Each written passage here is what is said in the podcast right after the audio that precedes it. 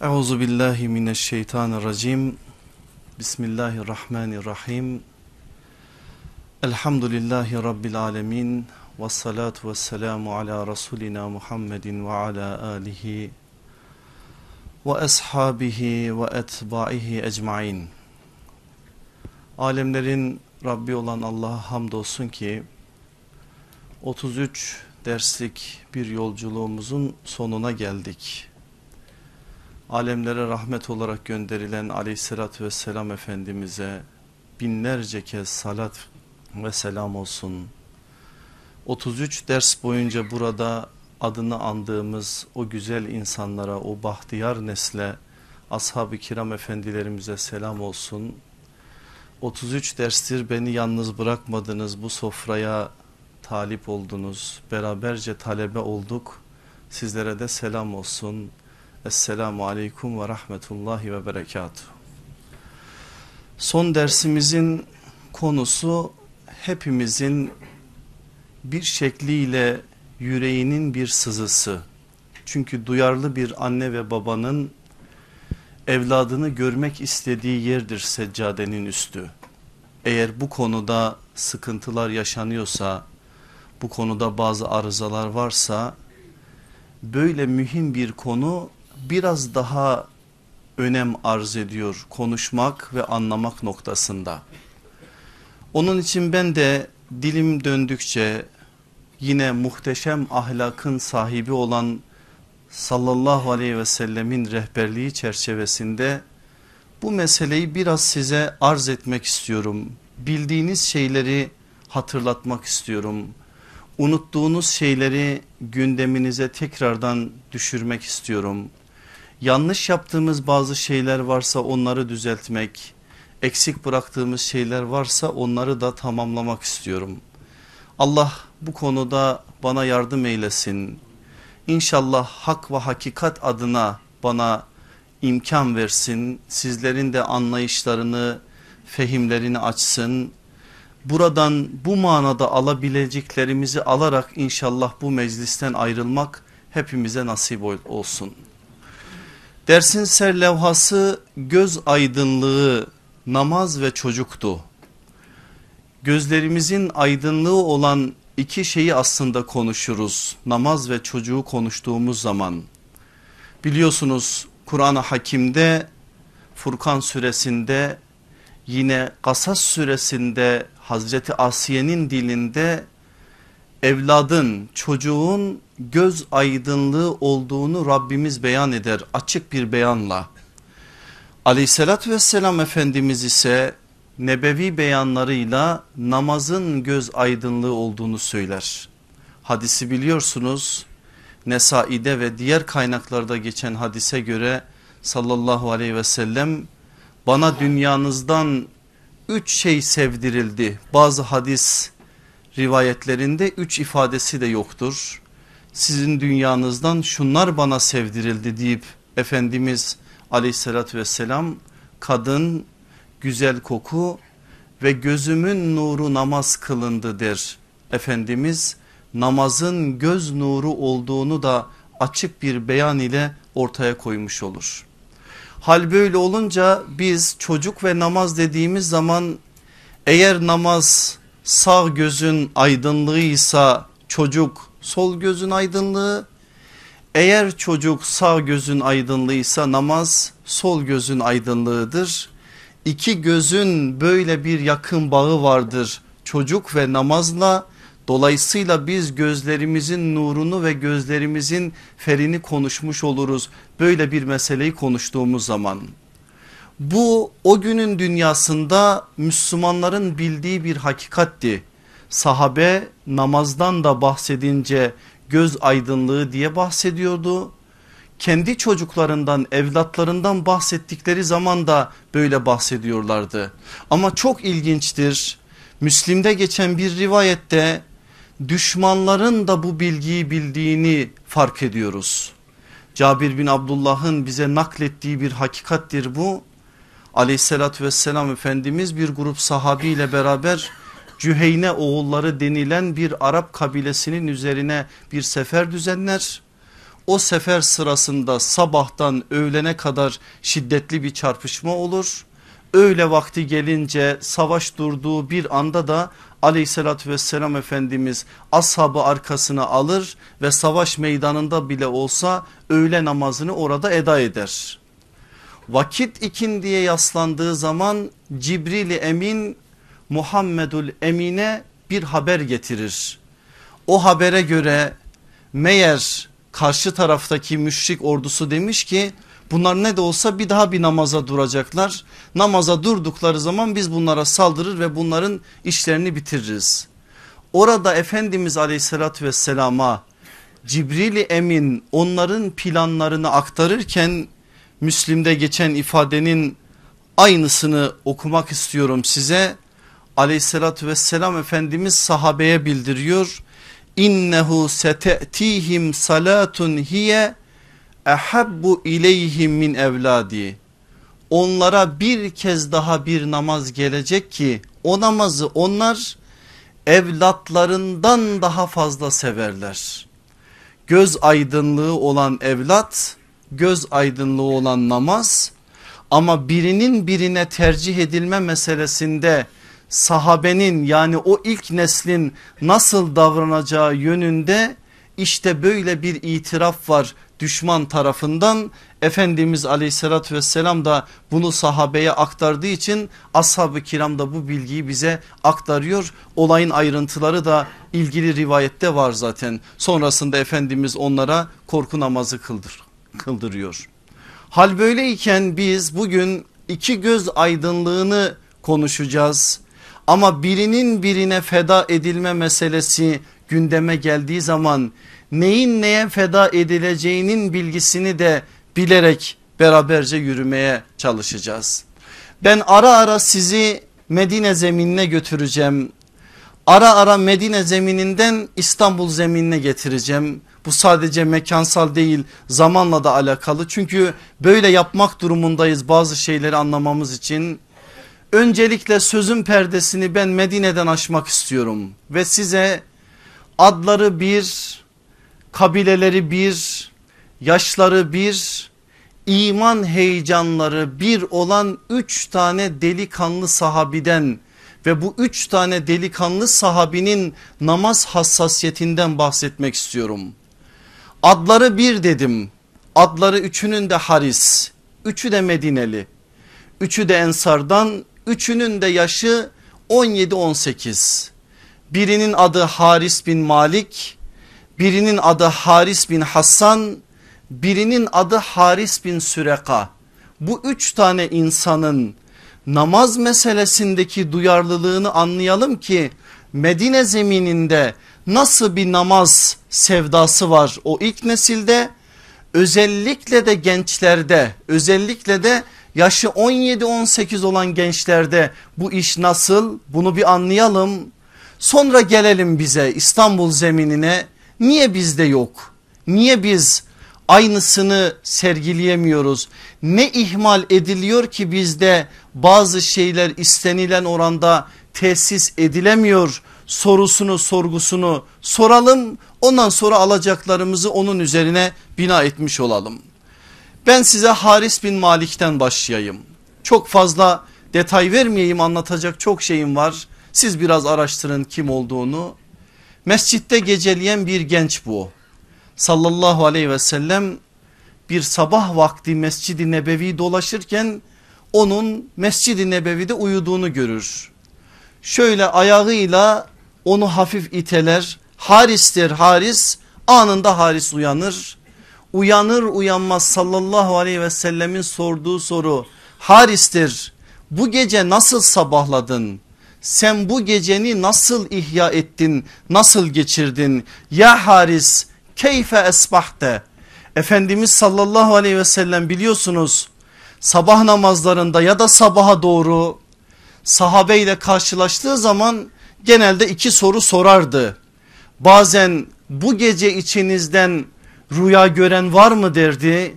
Bilirdi ki o ilk nesil o Kur'an cemaati o sünnetle yoğrulan cemaat gündüzü hayır üzere olduğu için gecesi de hayır üzeredir. Dolayısıyla gecelerinde de salih ve sadık rüyalar görürler.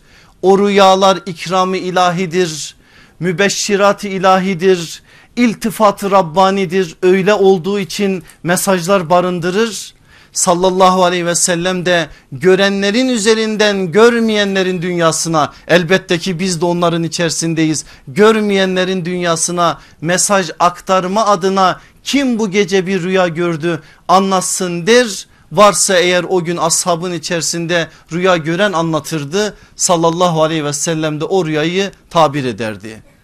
Eğer yoksa Efendimiz kendisi görmüşse ben gördüm der kendi rüyasını anlatırdı. Bazen de bu soruyu sorardı bu gece nasıl sabahladın?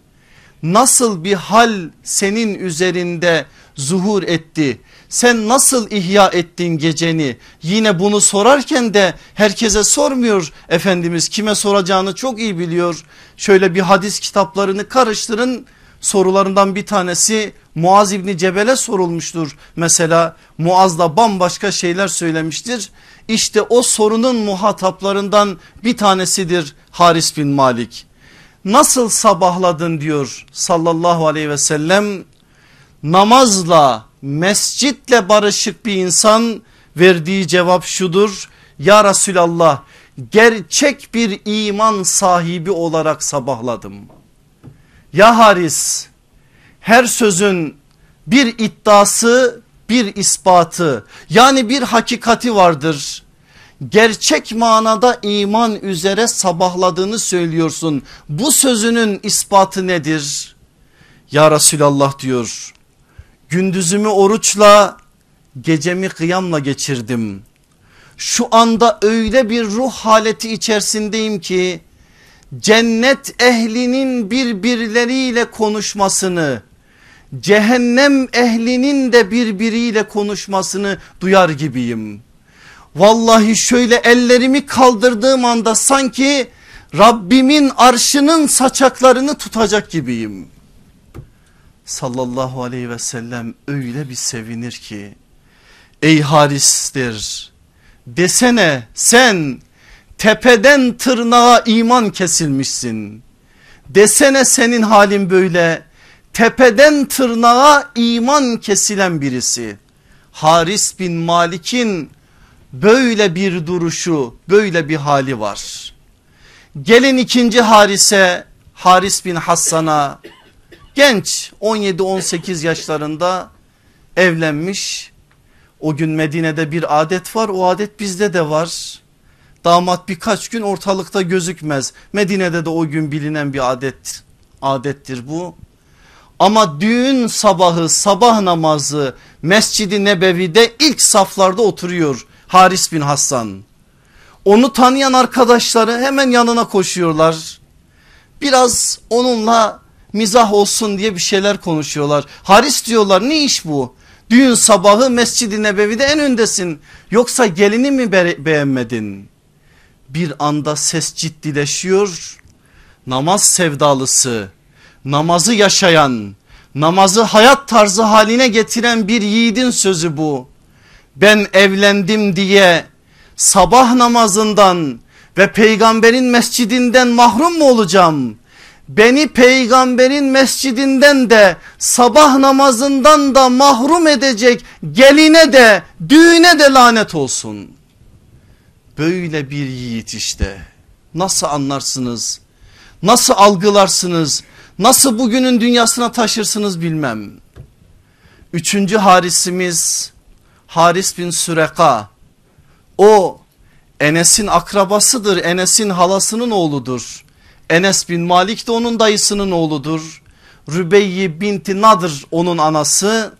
Namaz sevdalısı bir genç ama bunun diğer iki haristen biraz daha farklı bir özelliği de var aynen dayısının oğlu Bera İbni Malik gibi her namazın arkasından ellerini dua için kaldırdığı zaman Allah'ım şehadet Allah'ım şehadet diye yanan birisi.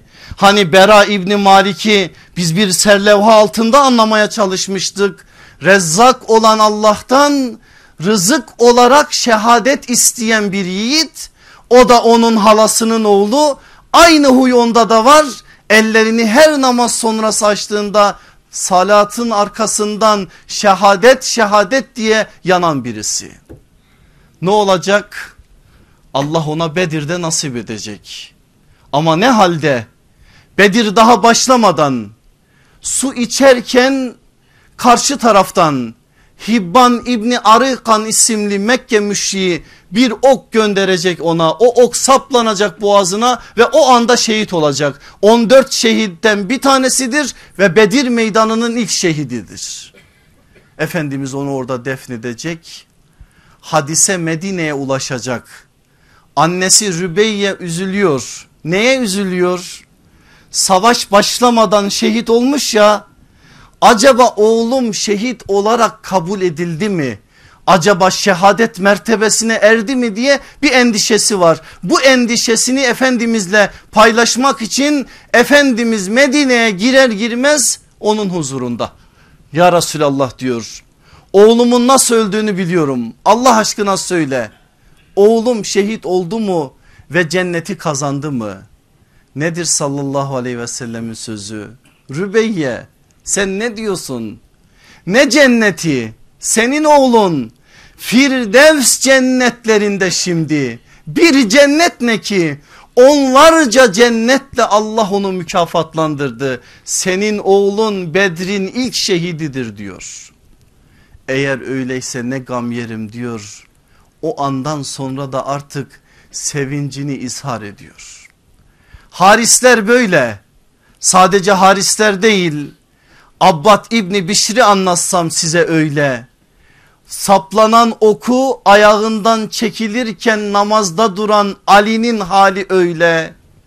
Salat ya emir el müminin salat dedikleri zaman ölüken dirilen Ömer öyle yüzlerce namaz hadisesi namaz hassasiyeti namaz sevdası okuruz biz asrı saadetten. Peki niye bizde olmaz? Bizde bir şey mi eksik? Biz biraz farklı mı algılıyoruz meseleyi ki bu hadiseler hep tarihte anlatılır, tarihte konuşulur da Medine zemininden İstanbul zeminine pek gelmez. Şimdi bunları biz anlattığımız zaman itirazlar hazır. Ben sizin adınıza itirazları söyleyeyim. Bir, onlarda Hazreti peygamberle çağdaş olma avantajı var. E biz bundan mahrumuz. Haksız mıyız bu itirazda? Bilmiyorum şimdi geleceğiz. İki, onlarda Medine gibi bir zeminde yaşama avantajı var. Biz Medine zemininden de mahrumuz. Onlarda sahabe gibi bir çevre var. Düşünün Hassanların önünde arkasında Ebu Bekir var. Ali var Osman var. Örnekler böyle. Etraflarında canlı örnekler ve canlı şahitler görüyorlar. E biz bundan da mahrumuz. Öyleyse eğer bu iş asrı saadet gibi olmayacak. Bunu baştan kabul edelim bu itirazlar çerçevesinde öyle mi içselleştirelim meseleyi yoksa meseleye farklı bir çerçeveden mi bakalım? Kıymetli kardeşlerim siz artık benim cümlelerime alıştınız. Ben ara ara üç tane soru soruyorum. Sahabe olmak mümkün mü? Sahabeyi sevap itibariyle geçmek mümkün mü? Sahabe gibi olmak mümkün mü? Üç sorunun cevabı belli. Sahabe olmak mümkün mü? Hayır. Sahabeyi sevap itibariyle geçmek mümkün mü? Hayır şu anda bile onlara sevap yazdırıyoruz. Peki sahabe gibi olmak mümkün mü? O kapı kapanmıyor. Kıyamete kadar da açık. Biz Allah Resulü sallallahu aleyhi ve sellemin ashabı belki olamayacağız ama inşallah yaşadığımız çağın sahabisi olacağız. İnşallah yaşadığımız çağda imanımıza şahadet ederek şahitlik ederek bu çağın sahabisi olma adına bir gayret ortaya koyacağız. Unutmayın çok güzel bir ifadedir. Abdullah İbni Mübarek için kullanılır ki üçüncü nesilden biridir o. peygamber görmeden sahabi olan zat. Var mı böyle bir şey? E varmış. Varmış ki üçüncü nesilden Abdullah İbni Mübarek için kullanılıyor. Dolayısıyla o kapı sonuna kadar açık. Sen o kapıyı zorlamaya çalış. Şunu unutma. Evet sohbeti risaletin kendine özgü bir insibağı var. Yani oraya giren boyalanır. Bunu biz inkar etmiyoruz. Sohbeti risaletin kendine özgü bir inikası var. Yani bir yansıması var. Aynadır o ayna yansıtır. Peygamber aynasıdır bambaşkadır o farklıdır. Peygamber ikliminin sohbeti risaletin kendine göre bir incizabı var. Yani cezbe hali var, farklı bir ruh hali var, farklı bir manevi hali var. Eğer Allah bize de nasip etseydi biz de kömür olarak girer elmas olarak çıkardık. Nice kömür olarak girenler girdi oraya elmas olarak çıktılar. Tarih bunun şahididir. Ama Allah bizim hakkımızda böyle bir takdirde bulunduysa geriye dönerek bizim bu manada bir şey sorgulamaya hakkımız yok. Hatta Miktat İbni Amr'ın bir sözü var bu konuda çok önemlidir bu. Bir gün genç Müslümanlarla yani ikinci nesilden tabiinden olan nesille oturmuş sohbet ederken biri diyor ki ne mutlu peygamberi gören gözlerin sahibi içimizde. Ah keşke biz de yaşasaydık o günler biz de onlar gibi bahtiyarlardan biri olsaydık. Bu sözde bir şey var mı? Masumane ve iştiyakla söylenen bir söz ama bu sözde bir şey var sahabe için. Anında gadaplanıyor Miktat İbn Amr sakın öyle demeyin diyor. Vallahi biz nice adamlar gördük. Siz onları görseydiniz adam zannederdiniz. Hatta bir deyim kullanıyor. Her biri bir hurma ağacına benzerdi. Ama onlar Kabe'nin komşusu olmalarına rağmen her gün Resulullah'ı görmelerine rağmen imansız olarak burunları üzerine devrilip gittiler. Halinize şükredin ki iman Allah sizlere nasip etmiş. Miktat İbni Amr'ın demediğini de ben diyeyim. Bizim önümüze bir seviye konulmuş imanı elde ettik ya. Şimdi nedir ulaşılması gereken o menzil? ashab kalitesinde imanı elde etmek. Zaten derdimiz o onu konuşuyoruz onu konuşmaya çalışıyoruz. Hal böyleyse dostlar bizim bahaneleri itirazları söylerken bu manada biraz daha dikkatli olmamız lazım. Bakın yolumuzun rehberi olan aleyhissalatü vesselam efendimiz efendimizin bizim sahabi gibi olamayacağımızı beyan eden haberleri var. Onun için sallallahu aleyhi ve sellem ne diyor biliyor musunuz? Bazen bire on bazen bire elli bizi ashab kalitesindeki imana yaklaştıracak. Ne demek istiyorum açayım. Yani bazen sahabenin yaptığı on iyiliğin birini yaptığımız zaman Allah o biri on sayacak. Bu haberi veren Efendimiz. Bazen de oran yükseliyor bire elli oluyor. Yaptığımız bir iyiliği Allah 50 ile çarpacak 50 katıyla sevaplandıracak. Sahabe bir yapınca bir kazanınca biz bir yapınca 50 kazanacağız. Bu müjdeyi de veren sallallahu aleyhi ve sellem. Neden? O devrede yaşamakla bu devrede yaşamanın avantajlarını ve dezavantajlarını dengeleme adına Efendimiz sallallahu aleyhi ve sellem hevasından ve hevesinden konuşmayan sallallahu aleyhi ve sellem bu haberi bize veriyor. Şimdi benim aziz kardeşlerim bu söylediklerim sizin zihin dünyanızda bir dipte dursun. Bunlar işin temeli. Asıl meselemize gelelim. Çocuklarımızı namaza alıştırma. Bu söylediklerimle yakından bağları var bunların. Bu konuda hepimizin zihin dünyasında Efendimiz sallallahu aleyhi ve sellemin söylediği bir hadis var. Nedir o hadis? Efendimiz diyor ki 7 yaşına geldi mi çocuğa namazı emredin. 10 yaşına geldi mi kılmadığı takdirde ne yapın? Dövün mü? Dövün. Korkmayın söyleyin. Siz bugün modern dünya bunları yumuşatıyor bakmayın. Hadis böyle geçiyor. Şimdi bu hadisin bu ilk naklettiğim hadisin bir sebebi nüzulü var. Yani bir vurudu var zemini var o zemini bir anlamamız gerekir. Hadisi bize nakleden sahabi efendimiz Sebre İbni Ma'bet radıyallahu anhudur. Hazreti Sebre hicretin 5. yılında Müslüman oluyor.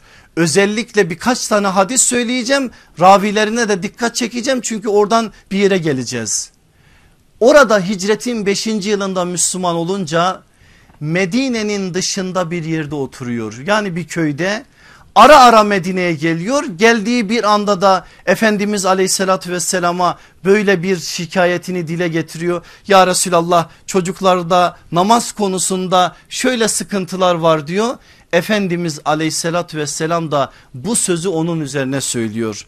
7 yaşına geldi mi çocuğa namazı emredin 10 yaşına geldi mi kılmadığı takdirde dövün. Şimdi parantez içerisinde hafifçe dövün de yazılıyor. O hafifçeyi de başka hadislerden yola çıkarak bazı mütercimler koyuyor. Ben bizatihi birebir tercümesini verdim size. Tirmizi'nin rivayetinde ise çocuğa namazı 7 yaşında öğretin kılmadığı takdirde 10 yaşında dövün var. Yine Ebu Davud'da Amr İbn As'ın Amr İbn As ne zaman Müslüman oldu? Hicretin 7. yılına doğru bu önemli bizim için. Çocuklarınıza onlar 7 yaşındayken namazı emredin.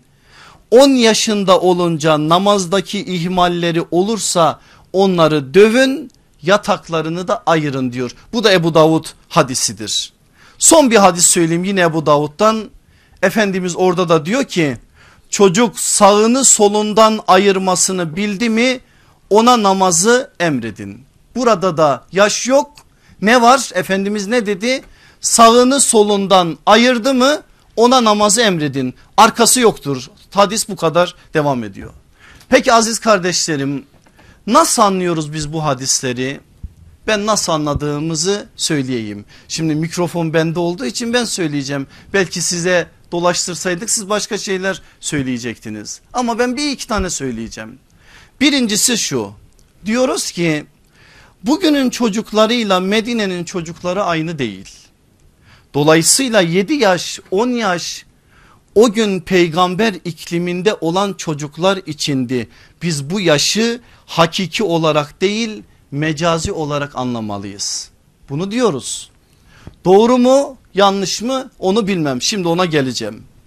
İkincisi diyoruz ki buradaki darabe fiili yani dövdü vurdu fiili hakiki değil mecazdır. Darabenin anlamlarından bir tanesi de alıştırın terbiye edin bir şekliyle onlara örnekler gösterindir. Dolayısıyla burada Resulullah sallallahu aleyhi ve sellem dövün dememiştir. Terbiye edin demiştir. Şiddet kullanmayı söylememiştir Efendimiz. Söylenen budur. Eğer biz bu konuda şiddet kullanırsak bu ters tepebilir. Allah korusun şiddetin dili çocukta nefrete yol açabilir. Namazı sevdireceğimiz yerde nefret ettirebiliriz. Bunu da söylüyoruz. Bu konuda hadisleri değerlendiren açıklamalara baktığınız zaman göreceksiniz. Üçüncü görüşte şu diyor, diyorlar ki Hazreti Peygamber'in burada söylediği sözün bugün hayatta uygulama imkanı yok. Bu zor bir durum. Öyleyse eğer bu hadis biraz sıkıntılı. Ondan sonra da biliyorsunuz ulemayı azam çok güzel ifadeler kullanır. Bana göredir benim tanıdığım peygamber böyle bir şey demezdir.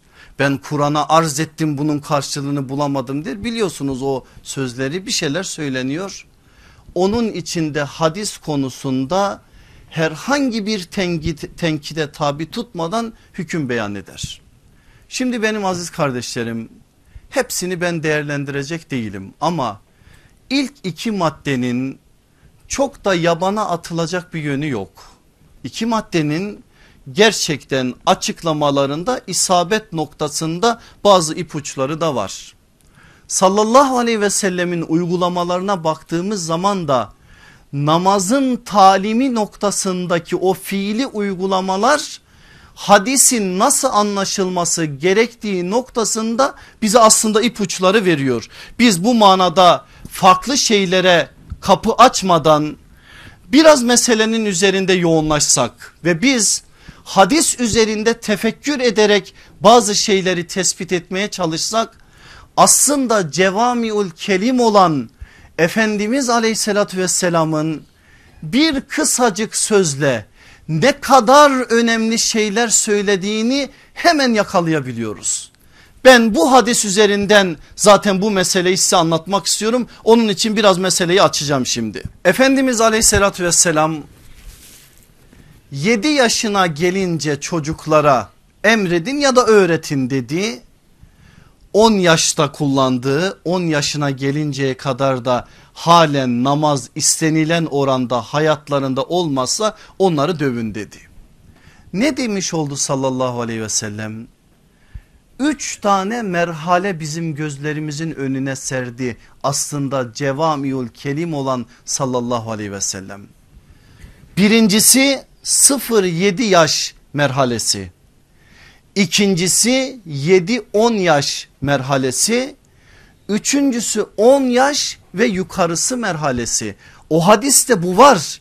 Efendimiz aleyhissalatü vesselam üç tane merhaleyi gözlerimizin önüne serdi ve kendi Medine zemininde de bunların uygulamalarına dair çok önemli adım adımlarda izahlarda sözlü ve fiili anlamda karşılıklarda bulundu.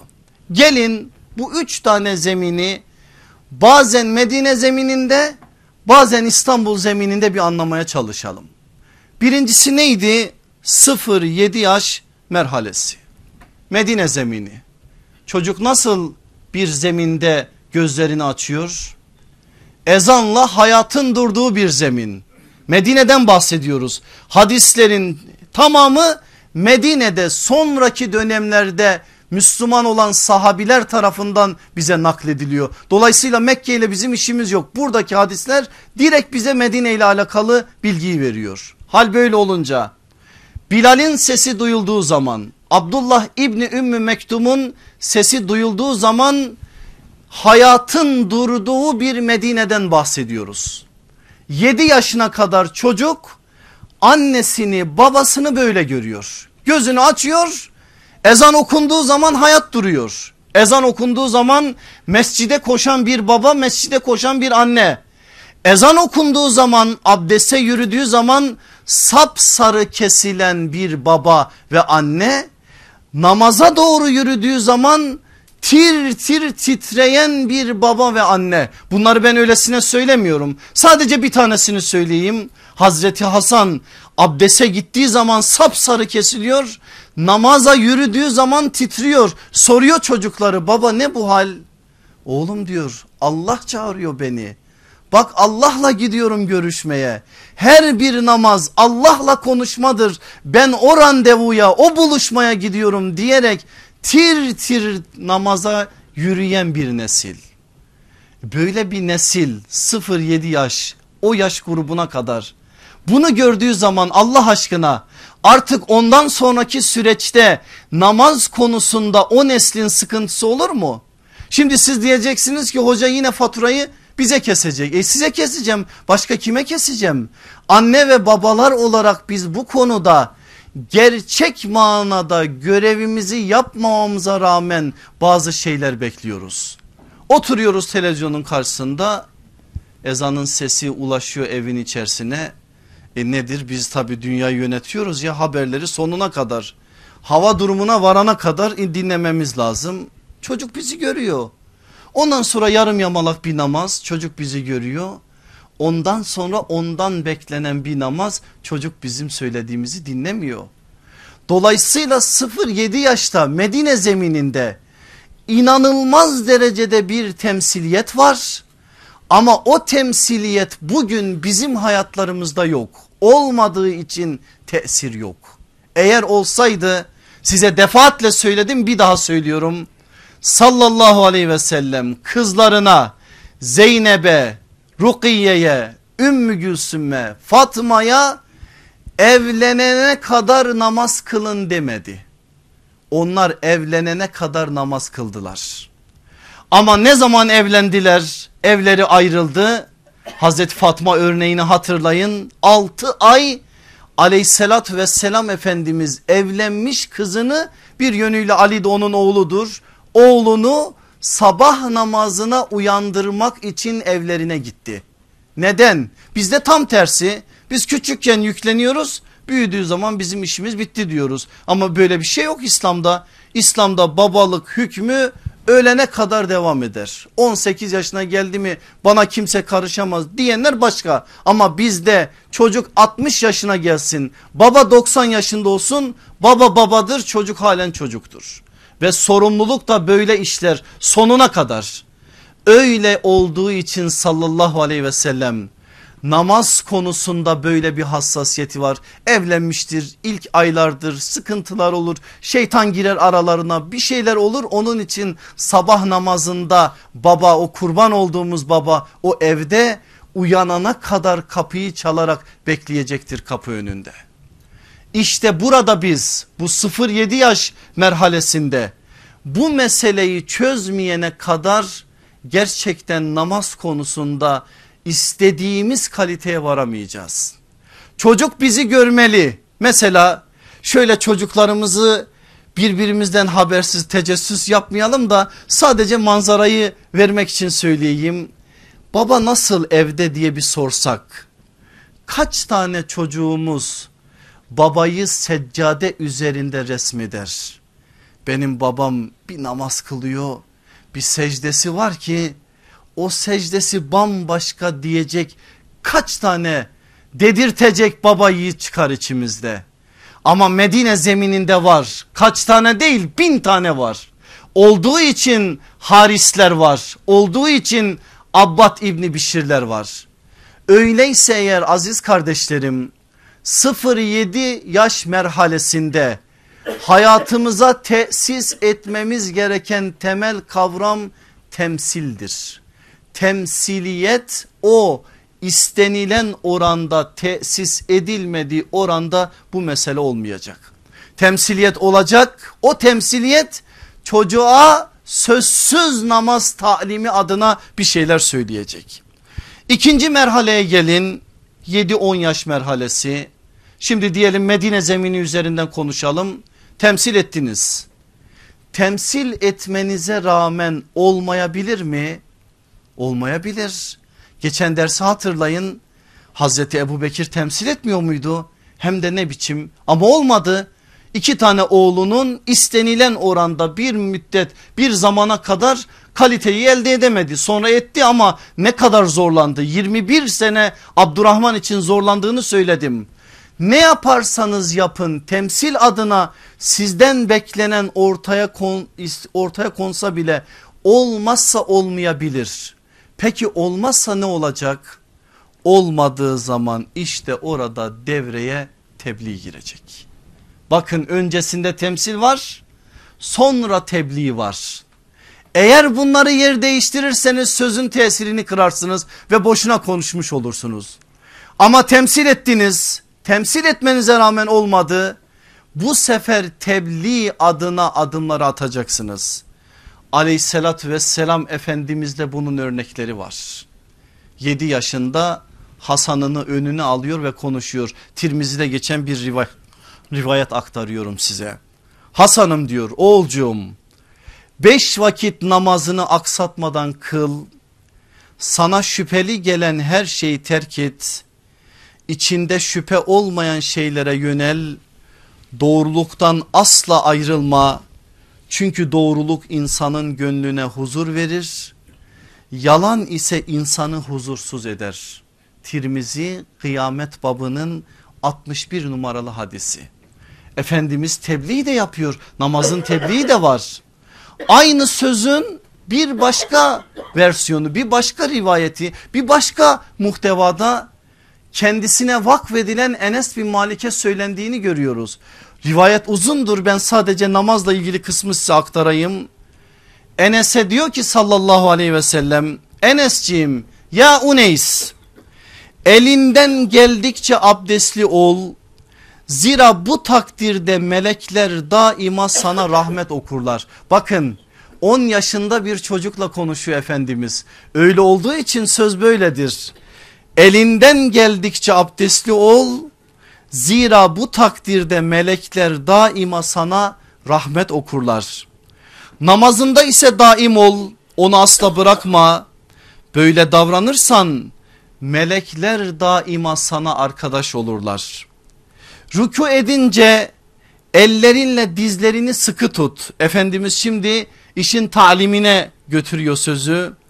Parmaklarını birbirinden ayır yani şöyle birleştirme hafifçe ayır. Dirseklerini yanlarına yapıştırma. Ey oğulcuğum rükudan doğrulunca her uzvun tam olarak yerine gelsin. Zira Cenab-ı Hak kıyamet gününde ruku ve secde arasında bellerini tam doğrultmayana nazar etmez.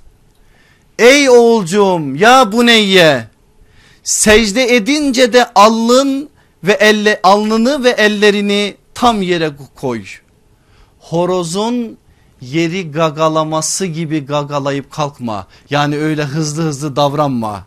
Sonra bakın Efendimiz nasıl bir benzetme yapıyor. Diyor ki köpeklerin veya tilkilerin yere yatışı gibi yere serilme. Namazda sağa sola nazar etmekten sakın deyip sözü başka noktalara doğru götürüyor. Tebliğ etmiş mi sallallahu aleyhi ve sellem yapmış temsil var arkasından tebliğ de var. 7-10 yaş merhalesinde Efendimiz aleyhissalatü vesselamın hayatında bir kavram daha görüyoruz. Çok önemli bu. Nedir o kavram biliyor musunuz? Tedriç. Zaten 7-10 yaş olması ondan dolayıdır. Efendimiz direkt de söyleyebilirdi. Ama ne yaptı? Basamak basamak işi istenilen noktaya vardırma adına gayret içerisinde oldu. Zaten tedriç sallallahu aleyhi ve sellemin taliminin ana konularından bir tanesidir. Tedricen her şeyi Efendimiz kademeli olarak aşamalı olarak yaptığı gibi namaz eğitimi de böyledir. Aşamalı bir biçimde Efendimiz sallallahu aleyhi ve sellem kavratmıştır. Burada madem söz geldi yine namazla da alakalı olacak o tedrici yöntemine dair bir üç basamaklı yöntemi var Efendimiz Efendimizin onu sizinle paylaşmak isterim. Aleyhissalatü vesselam Efendimiz meseleleri basitten zora doğru anlatırdı. Önce basiti sonra zoru. Önce basit şeyleri söyler algılamalar açılınca yavaş yavaş yavaş yavaş zora doğru götürürdü sözü. İkincisi Efendimiz sallallahu aleyhi ve sellem ön bilgiden gayeye doğru yürürdü. Önce bir ön bilgi verirdi böyle bir zihinleri açardı. Mesela derdi ki ey Müslümanlar ey insanlar müflis kimdir? Anında dikkatler yoğunlaşır. O zaman cevap gelirse gelir gelmezse Allah ve Resulü daha iyi bilir. Sahabe genelde bunu söyler. Efendimiz müflisin tarifini verirdi. Önce bir ön bilgi verirdi. Ne söyleyeceğini bir soruyla mesela derdi ki en hayırlı mümin kimdir? Dikkatler toplanır. Arkasından cevap bizatihi Allah aleyhissalatü vesselam efendimizin diliyle söylenirdi. Üçüncüsü de müşahhastan mücerrede doğru hareket ederdi. Yani işin başında muhataplarının hissedeceği, göreceği, söylenince algılayabileceği meselelere değinir. Sonra yavaş yavaş biraz daha sevgiyi arttırırdı. Mesela çok zor bir mesele ecel meselesi. Nasıl anlatıyor sallallahu aleyhi ve sellem? O kadar sade, o kadar güzel ki ancak o kadar anlatılır. Kader meselesi çok zordur izahı ama bakın hadis kitaplarına Efendimiz sallallahu aleyhi ve sellem o gün kendi muhataplarının anlayacağı basitlikte kader meselesini izah ediyor. Sözün burasında meseleyi namaz talimi noktasına getirdiğimiz zaman da Efendimiz aleyhissalatü vesselamın namaz taliminde de bir tedriciliğinin var olduğunu görüyoruz. ne yapmış bakın sallallahu aleyhi ve sellem.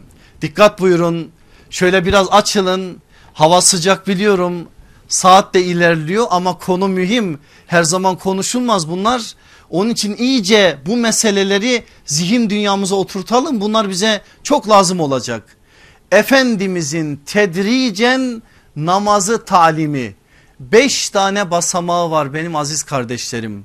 Dikkatlice bunların ne olduğuna bir dikkat kesilelim. Bir, önce iman sonra namaz öğretilmeli. İki, önce muhabbet sonra amel devreye girmeli.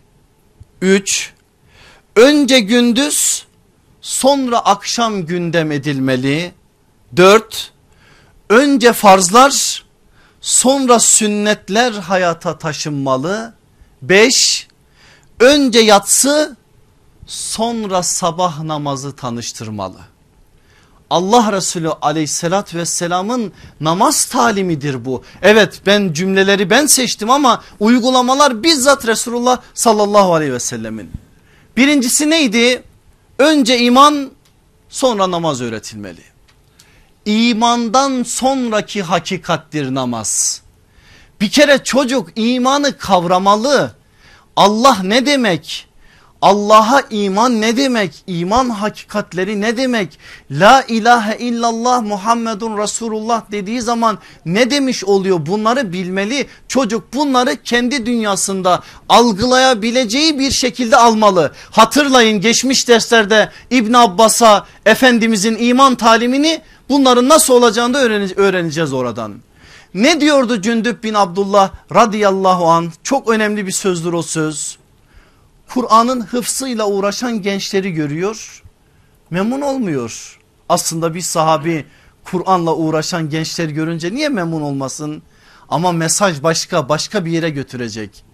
Gençler diyor biz de Resulullah'ın yanında ergenliğe yürüyen gençlerdik.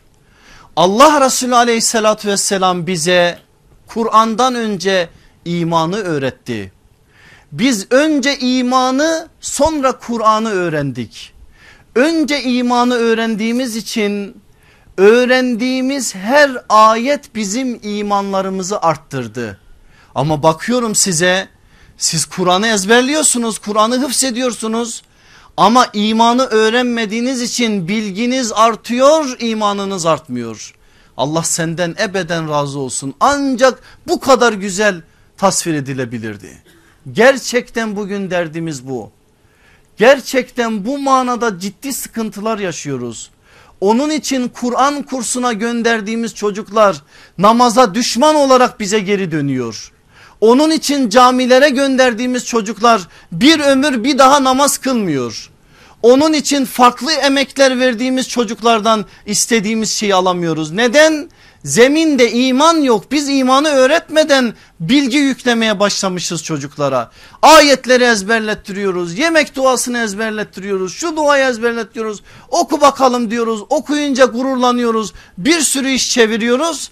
Ama zeminde iman olmadığı için ne yazık ki onun üzerine ne bina edilirse temeli çürük bir bina gibi olmuyor işte. Burada aleyhissalatü vesselam Efendimiz bize namazın tedricen taliminde de en başta bunu söylüyor. Önce iman sonra namaz. İkincisi ney? Önce muhabbet sonra amel. Önce sevsin. Muhabbet adına bir şeyler oluşsun yüreğinde. O muhabbet onda derinleşsin. Allah Resulü aleyhissalatü vesselama karşı sevgi, sahabeye karşı sevgi yüreğinde derinleşmiş bir hale gelsin. Ondan sonra amel olsun. Zaten kusura bakmayın ama böyledir. Çocuk sevdiğini taklit eder. Kimi severse onun gibi konuşmaya, kimi severse onun gibi davranmaya, kimi severse onun gibi bir şekliyle meseleleri kendi dünyasından dış dünyaya aktarmaya çalışır. Öyle olunca eğer bizim de ikinci merhalede gündeme alacağımız şey ne olmalı? Önce muhabbet sonra amel. Üçüncüsü önce gündüz sonra akşam gündem edilmeli. Bunu nereden çıkarıyoruz? Gelin siyerin sayfalarını çevirelim. Namaz Allah Resulü aleyhissalatü vesselamın dünyasına nasıl girdi? Nübüvvetle beraber. Miraçla beraber giren beş vakit namazdır. O yanlışı düzeltelim. Nübüvvetle beraber namaz girdi ama nasıl? Cebrail'in fiili rehberliğinde iki rekat sabah iki rekat akşam olmak üzere iki öğünde namaz Müslümanların gündemine girdi. Sonra da gece namazıyla iş taçlandı. Ta 11 yıl böyleydi. Sabah ve akşam bu kadar. Onun dışında herhangi bir namaz yoktu. Ne zaman namaz beş vakit olarak teşri olundu? Nübüvvetin 11. yılında Miraç'la beraber. Bu bilgi bize bir şey söylemez mi? İnanın çok önemli şeyler söyler. İşte buradan biz çıkarıyoruz. Önce gündüz sonra akşam gündem edilmeli. Dördüncüsü önce farzlar sonra sünnetler hayata taşınmalı. Tedricilik bu. Çocuğun hemen önüne siz 7-10 yaş grubu hemen önüne 40, 40 rekatlık namazı dayatırsanız korkutursunuz. Ama şunu hiçbir zaman unutmayın. Sallallahu aleyhi ve sellem 13 yıl Mekke'de 4 rekatlık farz namaz hiç kılmadı. Miraçtan sonra da mı? Miraçtan sonra da. Ne zaman 4 rekat farzlar kılınmaya başladı? Ne zaman aleyhissalatü vesselam Efendimiz Medine'ye geldi. Mescid-i Nebevi inşa edildi aleyhissalatü vesselam Efendimiz iki rekatlı farzların arkalarına iki rekat daha ekledi. Dört rekatlık farzlar Medine'de böylece gündeme geldi. Dolayısıyla buradan bir tedricilik var işte. Sallallahu aleyhi ve sellemin hayatında var olan bu davranışlar bu tavırlar bize bu işin talimi adına da ipuçları veriyor. Öyleyse eğer bu manada önce farzlar sonra sünnetler hayata taşınmalı. Taşınmalı mı muhakkak? Kesinlikle taşınmalı. Bakın size bir ipucu daha vereyim. Eğer 20 yaşına kadar çocuklara sünnet namazlarını kılma noktasında bir alışkanlık kazandırtmazsak ondan sonra o da zor. 20'den sonra artık farklı bir biçimde dikiş tutar tutmaz o Allah'ın bileceği bir şey ama genelde bu manada sıkıntılar yaşanıyor. Onun için tedricilikteki ölçü kesinlikle gündemden düşürülmemeli ama bu konuda çok da gevşek davranılmamalı. Hemen farzlar baktınız ki evet karşılık buldu arkasından sünnetler de farklı bir dille güzel bir ikramla o çocukların dünyasına bir şekliyle taşınmalı. Beşincisi önce yatsı sonra sabah namazıyla tanıştırılmalı. Efendimiz aleyhissalatü vesselamın çocukların namaz talimi konusundaki uyarılarından dolayı böyle bir şeyi bizler de yapabiliriz. Önce yatsı akşamın son namazını belli bir miktar o kılındı Yaş baktık 10 yaşına doğru geliyor ondan sonra sabah namazları da gündem edilmeli ve çocuk bu manada ona da alıştırılmalı. Şimdi bana demiyorsunuz değil mi hocam biz sabah namazlarının problemi yaşıyoruz. Nerede biz çocuklara bunu söyleyeceğiz? Bana onu derseniz ben de derim ki ocağımız batmış zaten bizim. Eğer şu cemaatte bile biz o problemi halen konuşacaksak ne diyeyim Allah bizi ıslah etsin diyeyim başka da bir şey demeyeyim. Üçüncü merhale 10 yaş ve yukarısı. Bu merhalede aleyhissalatü vesselam Efendimiz ne dedi?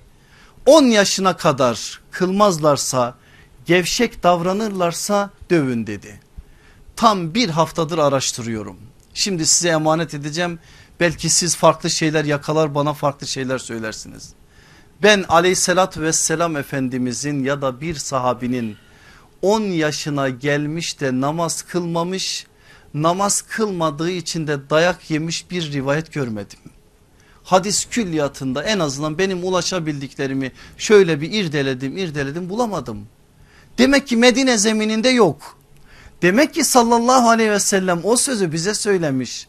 Hani birileri diyordu ya o söz bizimle alakalı değil o söz bizimle alakalıymış. Demek ki Biraz biz bu meseleyi üzerimize alarak anlamak durumundaymışız. Peki biz 10 yaşına geldi ya da yaş ilerledi gidiyor. Namazlarda halen gevşeklik var. Nasıl davranacağız? Üç kavram kullandım aziz kardeşlerim. Ne olur bunları iyice zihninize kaydedin. Çünkü bunlar bize işin yolunu yöntemini gösteriyor. Temsil, tebliğ ve tedriç. Şimdi de iki tane kavram daha veriyorum. Tadil ve taltif. Eğer 10 yaş üzerinde namaz ihmali konusunda sıkıntı varsa iki kavramla çözebiliriz onu. Nedir o? Tadil ve taltif. Ne demek tadil? Düzeltme, denkleştirme, düzleştirme, düzgünleştirme, varsa aşırılıklar, aşırılıklardan giderip itidal çizgisine getirme. Şimdi dövün meselesi işte burada geliyor gündeme. Aleyhissalatü vesselam Efendimiz bu sözü söylediyse bu sözün muhakkak bir uygulama sahası var. Ancak biz Efendimiz'den şunu da öğrendik. Her muhataba her söz yüzde yüz biçimde taşınmaz. Efendimiz sallallahu aleyhi ve sellemin bize öğrettiği talim sahalarından en önem, önemlerden bir tanesi şudur. Muhataba göre söz söyler. Girer yazın sıcak günü Ebu Bekir hücre-i saadete Allah Resulü aleyhissalatü vesselam yürüyüşünü oturuşunu düzeltmez. Onun arkasından Ömer girer aynı haldedir. Osman girdiği zaman Efendimiz düzeltir üstünü farklı bir hale girer. Osman'la öyle karşılıklı konuşur. Ayşe anamız akıllıdır. Her ayrıntıyı yakalar onu da yakalar. Niye ya Resulallah? İkisi senin kayınbaban bu ise senin damadın. Yaş olarak da onlardan farklı değil. Neden o ikisine yapmadığını Osman'a yaptın diye sorduğunda ne diyecekti sallallahu aleyhi ve sellem? Osman utangaç adamdır. Beni o halde görse konuşmaya mecali kalamaz. Onun için ben düzelttim halimi ki rahat davransın benim yanımda. Ne dedi iman ettiğiniz peygamberiniz? Muhatabınıza göre söz söyleyin. Şimdi çocuğunuzu baba olarak anne olarak tanırsınız. Çocuğunuz eğer bir tokatla adam olacaksa esirgemeyin kardeşim esirgemeyin. Bazen bir tokadın yapamayacağı şeyleri başka şeyler yapamayabilir. Yani burada klasikleşmiş ve herkese aynı elbiseyi takdim etme gibi bir yanlışa kapı açmamamız lazım. İnsanlar tabiat tabiat farklı farklı. Söylersin bir çocuğa sözle uslanır. Söylersin bir çocuğa taltifle yola gelir. Bir çocuk da vardır ki ille yiyecek bir tokat. ille bir sert uslup görecek babadan ya da anneden. Bunu görmeyene kadar eğer gelmiyorsa itidal çizgisine bu modern rüzgara kapılıp da farklı şeylere meseleyi çekmenin hiç alemi yok. İşte oradadır o zaman tadil farklı bir biçimde çocuğu hizaya çekme adına bize ipuçları verir. Bir örnek vereyim size. Ömer İbn Abdülaziz bakın sahabiden de değil üç nesil sonrasından söylüyorum. Babası Medine'de onu bir muallime emanet ediyor. Salih İbni Keysan isimli bir alime. İyice gözle diyor. Onu yetiştirme noktasında hassas ol. En ufak bir tavizde verme. Ömer İbn Abdülaziz kurban olduğumuz 10 yaşlarında uzatmış saçlarını şöyle o yaşlardaki heyecan saçlarını tarıyor aynanın başında biraz zaman geçiriyor ve böyle bir dalgınlıkla bir gün cemaatle namazı aksatıyor. Namazı aksatmıyor dikkat buyurun Medine zemini cemaatle namazı aktarıyor aksatıyor. Mektup yazıyor hocası babası Abdülmelik Abdülaziz'e Diyor ki böyle böyle saçlarına takıldı ve bir vakit namazı aksattı. Cevabi mektup geliyor. Hemen götür berbere ve saçlarını sıfıra kazıt. Bunu anında yap bir daha da böyle bir şey yapmasın.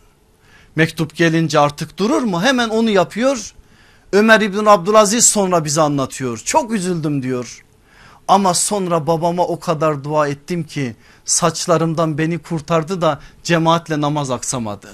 Bakın tadil yola getirdi. Bir adım bir şekliyle hizaya getirdi. Dolayısıyla Bu konuda eğer o gerekliyse öyle bir şey yapıldığı zaman fayda sağlanacaksa tanıyacaksınız çocuğunuzu ve onu yapmaktan da geri kalmayacaksınız. Bu işin tadil meselesi. Meselenin taltifine gelelim. Şimdi bazı çocuklara namaz konusunda dünyevi hedefler belirleyebiliriz. Hiçbir mahsuru yok bunda. Oğlum sen şu kadar gün namazına dikkat edersen sana şöyle bir hediye. Artık gerçi çocuklarımızı ufak hediyeler kesmiyor her şeye kavuştukları için ne desen boş da ama diyelim dediniz o da tatmin oldu. Böyle bir şey demekte bir mahsur yok ancak burada şöyle bir usul var yine sünnetten çıkardığımız bir usul. Her zaman karşılıklı bir biçimde bir şey yapılırsa bu çocuğun ileride şahsiyetinin zedelenmesine sebep olabilir. Hep dünyevi hedef namaz kıl hediyeyi al şunu yap hediyeyi kap bunu yap hediye yap hiçbir şey Allah için yapmayacak mı bu çocuk? Onun için ne diyor ulema biliyor musunuz? Çocuklara bazen bedelsiz hediye verin bazen ise hiçbir şey istemeden o hediyeyi verdiğiniz gibi bir şey isteyerek de hediyeyi verin. Yani iki türlü de bu işi davranın iki türlü de davrana, davranarak onu belli bir terbiye sahasına çekebilirsiniz. Taltif noktasında eğer çocuk belli bir kaliteye varacaksa o manada da siz istediğinizi yapabilirsiniz. Allah bu manada hepimize güç ve kuvvet ihsan eylesin. Zor bir iştir gerçekten zordur ama bunlar biraz daha sünnet perspektifinde ele alınarak yani Efendimiz aleyhissalatü vesselamın uygulamaları çerçevesinde onun rehberliği ve sahabenin rehberliği çerçevesinde ele alınırsa biraz olsun dertlerimize derman olabilecek ipuçları burada Mevla bunları anlamayı algılamayı hepimize nasip etsin. Şimdi benim aziz kardeşlerim 10 derstir size çocuklarla alakalı bir şeyler anlattım. Onun öncesinde 10 derste aile ahlakıyla alakalı bir şeyler anlattım. Onun öncesinde de 13 derste ticaret ahlakı ve birkaç tane hayatın diğer alanlarına ait ahlaka, ahlaka ait dersler yaptım. Yani toplam bu sezon 33 tane ders yaptık beraberce. Özellikle bu son 20 ders aile ahlakı ve çocuklarımızla olan kısım çok önemliydi. Gerçekten önemliydi. Önemli olduğu konusunda da ara ara size işin ehemmiyetine dair bazı şeyler de söyledim. Zihinlerinizde durduğuna inanıyorum. Şimdi bizim İslam ümmeti olarak şöyle bir sıkıntımız var. Kimi konuşturursanız konuşturun 1 milyar 700 milyon İslam ümmetinin darmadağın oluşundan bahis açar. El hak bu sözde doğrudur. Ama benim sorum size şu. Ümmet darmadağın da bizim evlerimiz çok mu vahdet halinde? Ümmet 1 milyar 700 milyon darmadağın. Biz evde 4 kişiyiz 5 kişiyiz biz de darmadağınız. Zaten biz darmadağın olduğumuz için ümmet bu halde. Eğer biz küçük ümmetler olan ailelerimizi vahdet haline getirebilseydik inanın büyük ailemiz olan o koca İslam ümmeti de vahdet haline gelecekti. Önümüz yaz. Geçmiş dönemlerde söyledim. Önemine binaen bir daha söylüyorum.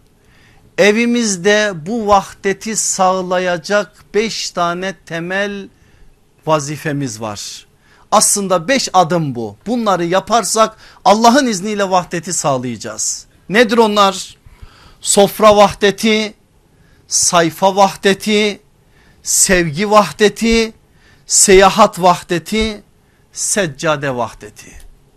Birincisi sofra vahdeti. Ben de sizinle Aynı zeminde yaşıyorum İstanbul'un şartlarını bilmez miyim? Ben de sabah kahvaltı yapmadan çıkıyorum eve.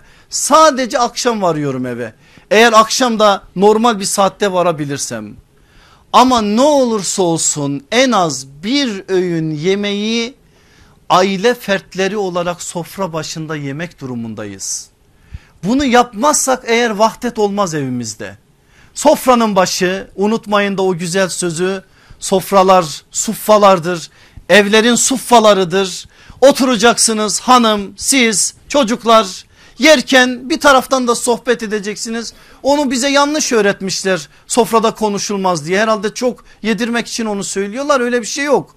Ağızda lokma varken konuşma ama sofrada konuş. Çok konuşursan az yersin. Sünnet de odur zaten. Dolayısıyla sohbet adına o zeminleri mümkün mertebe kullanalım. İnanın vaazların sohbet meclislerinin tesir gösteremediği nice şey sofra başlarında tesir ediyor. Onlarca örneği var asr-ı saadetten zaman geçti size fazla bir şey söylemeyeceğim. İkincisi nedir? Sayfa vahdeti. Ne kastediyorum? Ne olur? Pazartesileri, perşembe akşamları yani cuma akşamları yarım saat çok mu? Yarım saat. Şöyle ev halkını alsak etrafımıza. Açsak Allah'ın kelamını. Şöyle bir iki ayet. Arkasından bir iki meal. Versek çocuğumuzun eline Riyazu Salih'ini oku. Her evde Riyazu Salihin okunduğu zaman sanki konuşan sallallahu aleyhi ve sellem'dir. Ondan duyuyor gibi oku deyip onu dinleme adına bir şey yapsak zor mu Allah aşkına? Yarım saat. Televizyonlar kapansın kitaplar açılsın bir kampanya bu. Yarım saat televizyonlar kapansın kitaplar açılsın. Eğer biz bunun tadına vararsak varırsak var ya o sihirli kutuları evden dışarı atarız zaten. Bir, bir alsak tadını tadını almadığımız için bir türlü hayatımıza girmiyor. Ama o sayfa vahdeti bambaşka bir şey sağlayacak bize. Bu da işin ikinci ayağı. Üçüncü ayağı ne? Sevgi vahdeti. Neyi kastediyorum? Sevdiğimiz şeyleri ailenin efradıyla aynı şey noktasında yoğunlaştırmak. Biraz daha açayım derdimiz var bu konuda. Sen geliyorsun buraya hanımı getirmiyorsun. Hanım da gidiyor mahallede Kur'an kursuna. Orada başka bir kaynaktan besleniyor. O beslendiğini sana satıyor. Sen buradakini satıyorsun. Çatışma var evde. Anarşi var ve böyle ne sıkıntılar yaşanıyor. Neler neler duyuyoruz. Ancak biz eğer sofrayla midelerimizi, sayfayla akıllarımızı sevgi ile kalplerimizi aynı kaynaklardan doyurursak vahdet oldu. Allah'ın izniyle biz İslam ümmetiyiz. Bir daha söylüyorum. Sofra ile midelerimizi, sayfa ile akıllarımızı, sevgi ile kalplerimizi aynı kaynaklardan doyurursak vahdeti tesis ettik. İşte üçüncü ayak da bundan dolayı önemli. Dördüncüsü seyahat vahdeti. Alın yazdır şöyle 3-5 günde olsa o yolculuğun tadını beraberce yaşayın çoluk çocuğunuzla. Sohbet edin, yolda konuşun, farklı farklı bir şeyler söylensin. O ayrıca bir tat, ayrıca bir güzellik katacaktır. Beşincisi ise seccade vahdeti. Onunla da kastım şu. Hiç değilse bir vakti evde cemaatle evin efradıyla beraber kılmak. Siz imamsınız. Oğlunuz müezzin, anne cemaat, varsa diğer çocuklar da arkada cemaatler. Allah aşkına siz kul olarak böyle bir eve şahit olsanız kalbiniz yerinden çıkar gibi olur değil mi? Beşer olur olarak bizi heyecanlandırıyor o manzara. Siz varsayın melekleri nasıl sevindirir o manzara. Allah hepimize bunu tattırsın inşallah. Ayşe anamız diyor ki aleyhissalatü vesselam Efendimiz bazen Medine'de çocuklar görürdü. Ya da bazen çocuklar getirilirdi Efendimiz'e ya Resulallah şu çocuğumuza bir dua et diye Efendimiz şöyle bir dua ederdi. Allah'ım onu iyi, muttaki ve reşit kıl ve onu İslam üzere büyüt aynı duayı ben de hepimizin çocuklarına bütün ümmetin çocuklarına yapıyorum. Allah'ım bizim bütün çocuklarımızı iyi, muttaki ve reşit kıl ve onları İslam üzere büyüt. Sen onların ellerini bırakma, onları kurda kuşa şeytana şeytanlaşmış insanlara yem etme. Aziz kardeşlerim son ders olduğu için biraz vakti uzatalım bir şey olmaz. Size söyleyeceğim birkaç şey daha var sözlerimi toparlayacağım zaten.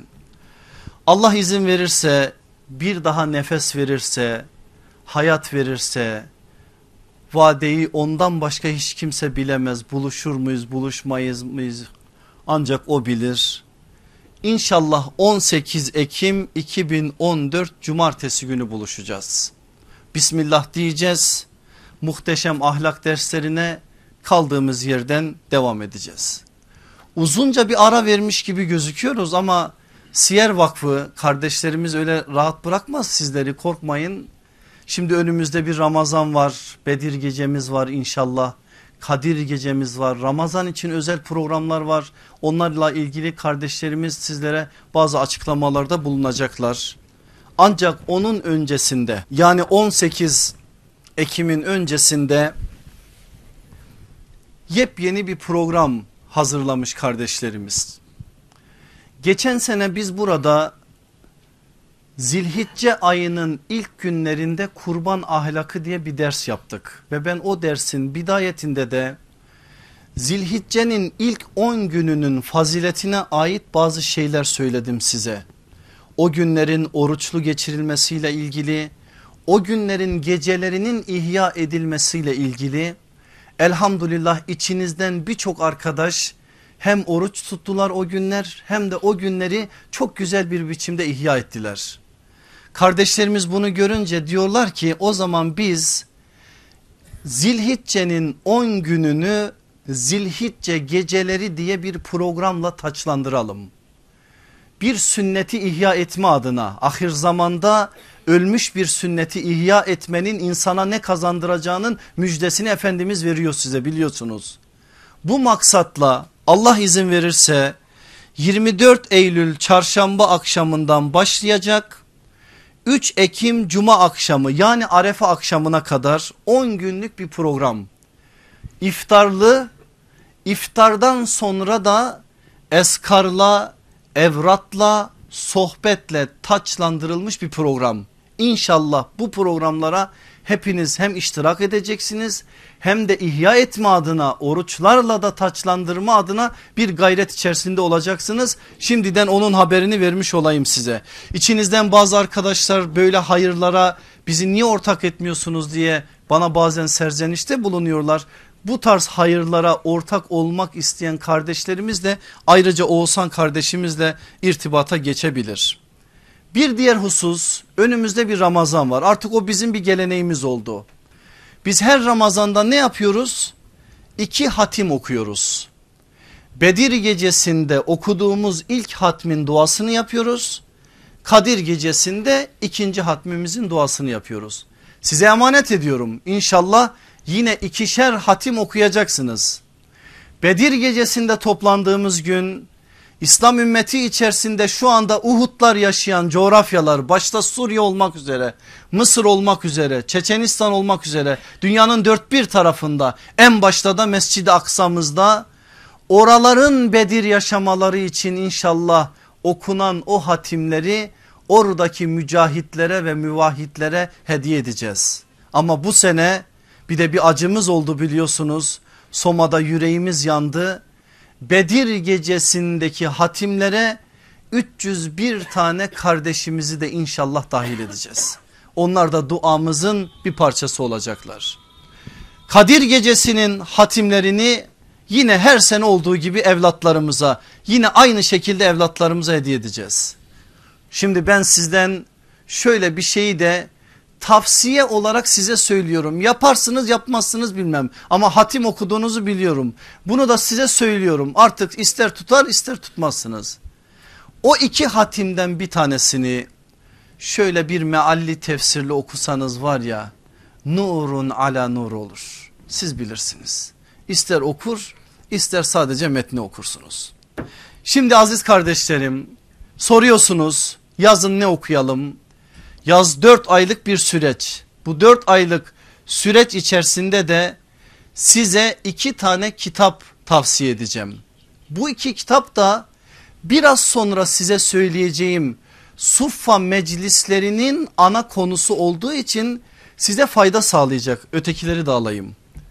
Kitaplardan birisi şu Fatma Tuz Zehra Kamacı hanımefendinin çok güzel hazırladığı Hazreti Peygamber'in günlük hayatı başlığı altında aleyhissalatü vesselam efendimizin Mescid-i Nebevi'deki hayatını anlatan bir kitap. Bir yönüyle ibadet bir yönüyle toplumsal ayağı bize anlatıyor. Bu kitabı ben size yazın okumanız için tavsiye ediyorum. Bu bir. İkincisi size İslam ilmi hali tavsiye ediyorum. Çünkü biraz sonra size söyleyeceğim. Suffa meclislerinin ana konusu bu sene ilmi hal. Ona ait birkaç şey söyleyeceğim zaten.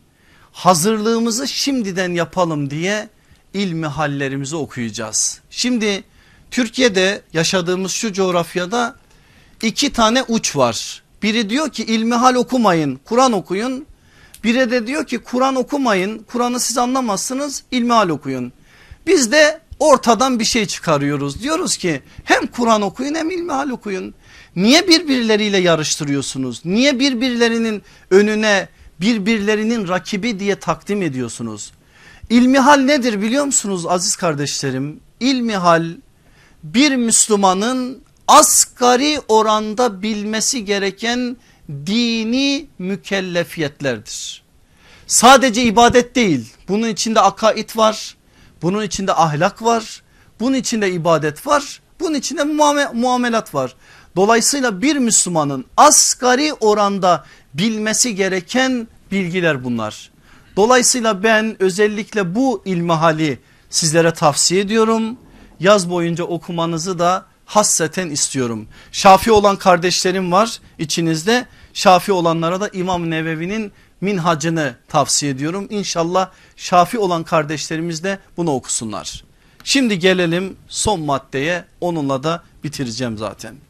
Bu sene elhamdülillah üçüncü senemiz Suffa meclislerinde. Sayıyı tam bilmiyorum ama herhalde 200'ün üzerinde mi? Yaklaşık 200 tane adet olarak da 2200 kişi. Evet 200'ün üzerinde ders halkası memleketin birçok yerinde burada da içinizdeki kardeşlerim de var. Hassaten bunu önemsiyoruz. Çünkü bu meclisler bize farklı bir biçimde bereket olarak ihsan olunacak.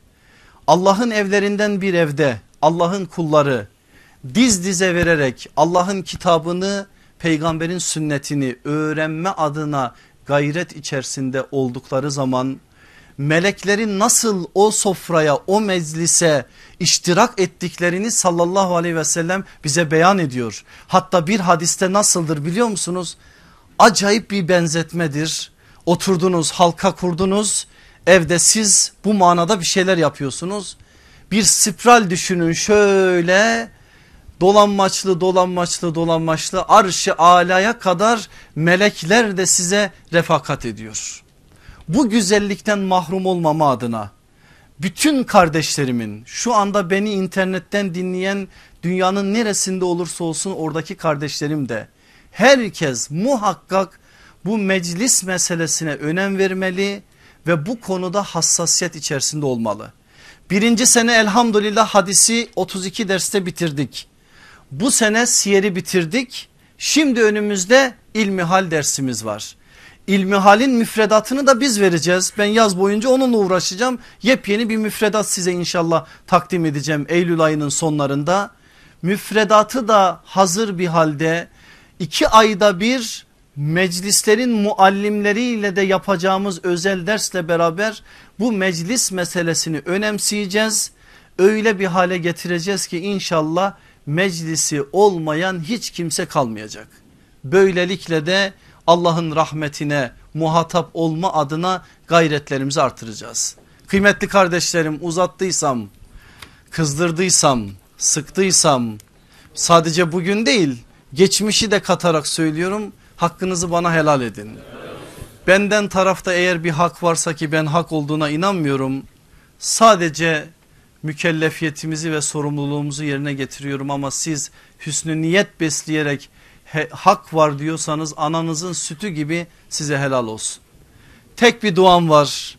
Allah son nefesimize kadar ne kadar vademizi takdir buyurmuş onun bileceği iş. Son nefesimize kadar bizi hak ve hakikat yolundan ayırmasın. Bizi onun bunun hakikatine değil kendi hakikatine muhatap kılsın. Gerçek manada İslam'ı öğrenen, İslam'ı yaşayan, öğrendiklerini bildiklerini bilgiçlik yaparak ona buna satma değil. Aynen sahabi hasbiliğinde öğrenen ve amel eden yani bilgi öncelikli değil amel öncelikli adım atan o ilk bahtiyarların yolunu izleyenlerden bizi etsin ve bizi göz açıp kapayıncaya kadar nefislerimizle baş başa bırakmasın inşallah. 21 tane hatim okumuş kardeşlerimiz Allah kabul eylesin. Bir tane de bana okumuşlar Allah razı olsun kardeşlerimizden şifa olsun diye. Onun da duasını yaparak bitirelim. Elhamdülillahi Rabbil Alemin. Ve salatu ve selamu ala Resulina Muhammedin ve ala alihi ve ashabihi ecmain. Allah'ım okunan bu Kur'anları, bu Kur'an-ı Kerimleri, bu hatimi şerifleri dergah-ı izzetinde kabul eyle ya Rabbi. Her harfine, her kelimesine başta okuyanlar, okunan okuyanlar olmak üzere bütün okunanlar içinde sen sevaba vesile eyle ya Rabbi. Sen bizleri Kur'an'ın yolundan ayırma ya Rabbi. Rahlenin önünden ayırma ya Rabbi. Yolculuğu bitirip bir yolculuğa başlamak gibi Fatiha'dan Nas'a, Fatiha'dan Nas'a hayatımızın sonuna kadar bizi rahlenin önünde daim eyle ya Rabbi. Senin önünde, senin dergahı ubudiyetinde kaim eyle ya Rabbi. Ya Rabbel Alemin ve ya Ekremel Ekremin çocuklarımızı konuştuk ve onları sana emanet eyledik. En emin sensin ya Rabbi sen onlara sahip çık. Sen onları bizlere bırakma ya Rabbi. Bizleri de bizlere bırakma ya Rabbi. Aciziz, noksanız, günahkarız. Allah'ım sen bizlerin günahlarını affeyle. Eksiklerimizi tamamlamamıza yardımcı ol ya Rabbi. Noksanlarımızı tamamlama adına bizlere fırsat ver ya Rabbi. Göz açıp kapayıncaya kadar bizi nefsimizle, şeytanlaşmış insanlarla, şeytanla baş başa bırakma ya Rabbi. Ya Rabbel Alemin dünyanın dört bir tarafında şu anda sıkıntılar içerisinde olan kardeşlerimiz var. Sen en yakın zamanda en garip zamanda onlara rahmet eyle ya Rabbi. Nüsret eyle ya Rabbi. Onlara bedirler yaşattır ya Rabbi. Bizleri yolundan ayırma ya Rabbi. Senin yolundan habersiz olan binler yaşıyor bu memlekette. Namazdan, Kur'an'dan, Efendimiz'den mahrum yüz binler var bu memlekette. Allah'ım bizleri vesileler kıl. Onlara senin mesajlarını ulaştırma noktasında bizlere yardım eyle ya Rabbi. Senin dinini onlara ulaştırma noktasında azmimizi, gayretimizi, çabamızı daha da ziyadeleştir ya Rabbi. Ya Rabbel Alemin ve ya Ekremel Ekremin içinde bulunduğumuz şu güzel ayı, Şaban'ı muazzamayı hakkıyla ihya etmeyi bizlere nasip eyle. Gelecek olan Ramazan-ı Mübareke'ye hazırlıklı bir biçimde ulaştır bizleri ya Rabbi. Bedrin gecesini, Kadir gecesini hakkıyla ihya etmeyi bizlere nasip eyle ya Rabbi. Bizleri ihlastan, ihsan şuurundan ayırma ya Rabbi. Bizleri birbirlerini sevenlerden eyle ya Rabbi. Sevgimiz sadece ve sadece senin rızan için olsun ya Rabbi. Sadece senin rızan için sevmeyi bizlere kolaylaştır ya Rabbi. Günahlarımızı affeyle, dualarımızı kabul eyle. Son nefesimizi iman üzere tamamlayarak huzuruna gelmeyi hepimize nasip eyle ya Rabbi. Ve sallallahu ala seyyidina Muhammedin ve ala ali seyyidina Muhammed ve ahir davana enilhamdülillahi rabbil alemin. El Fatiha.